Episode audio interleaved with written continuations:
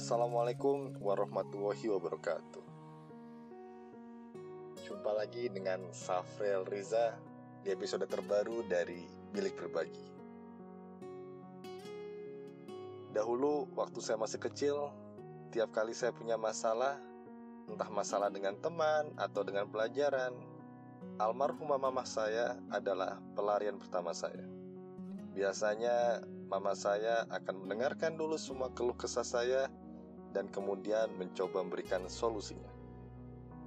Bila saya masih terlihat gelisah, mama saya biasanya minta saya untuk sholat agar bisa berkeluh kesah dengan sang pencipta. Sesederhana itu. Tapi itu gaya keluh kesah zaman dulu.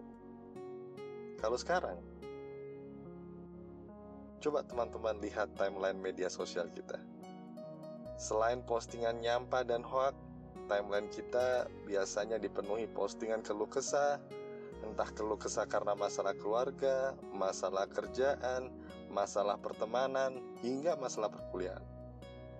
Seakan-akan tembok ratapan yang ada di Yerusalem pindah ke tembok-tembok media sosial. Saya pernah tanya ke beberapa kolega saya tentang postingan keluh kesah. Ternyata tanggapan mereka mayoritas adalah postingan keluh kesah adalah bentuk pencitraan diri yang salah. Mencoba mencari simpati, ternyata malah terlihat weak dan gak punya semangat struggle for life.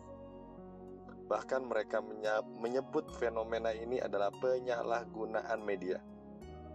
Harusnya keluh kesah itu jadi konsumsi pribadi tapi kok malah jadi konsumsi umum. Harusnya keluh kesah jadi bahan curhatan dengan Allah. Tapi kok malah jadi bahan konsumsi publik. Ini benar-benar kebablasan. Malah yang lebih ekstrim adalah beberapa kolega saya yang jadi manajer HRD di beberapa perusahaan. Yang salah satu tugasnya adalah stalking kandidat karyawan malah menyarankan untuk tak merekrut calon karyawan yang suka berkeluh kesah di media sosial. Selain karena dimungkinkan mereka gampang blow up masalah perusahaan ke media sosial, orang-orang tipe penggerutu ini rawan menularkan virus pesimistis dan negatif ke karyawan-karyawan lain. Ini bener-bener gak qualified sama sekali. So,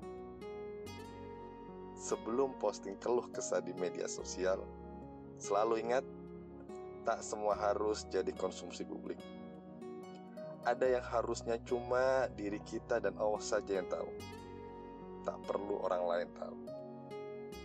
Lagi pula, kenapa sih kesedihan, kesengsaraan harus diumbar ke halayak umum?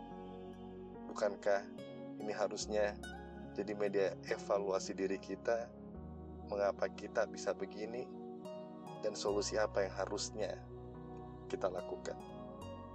Bukan malah menyebarkan aib diri sendiri. Itu aja sih. Wassalamualaikum warahmatullahi wabarakatuh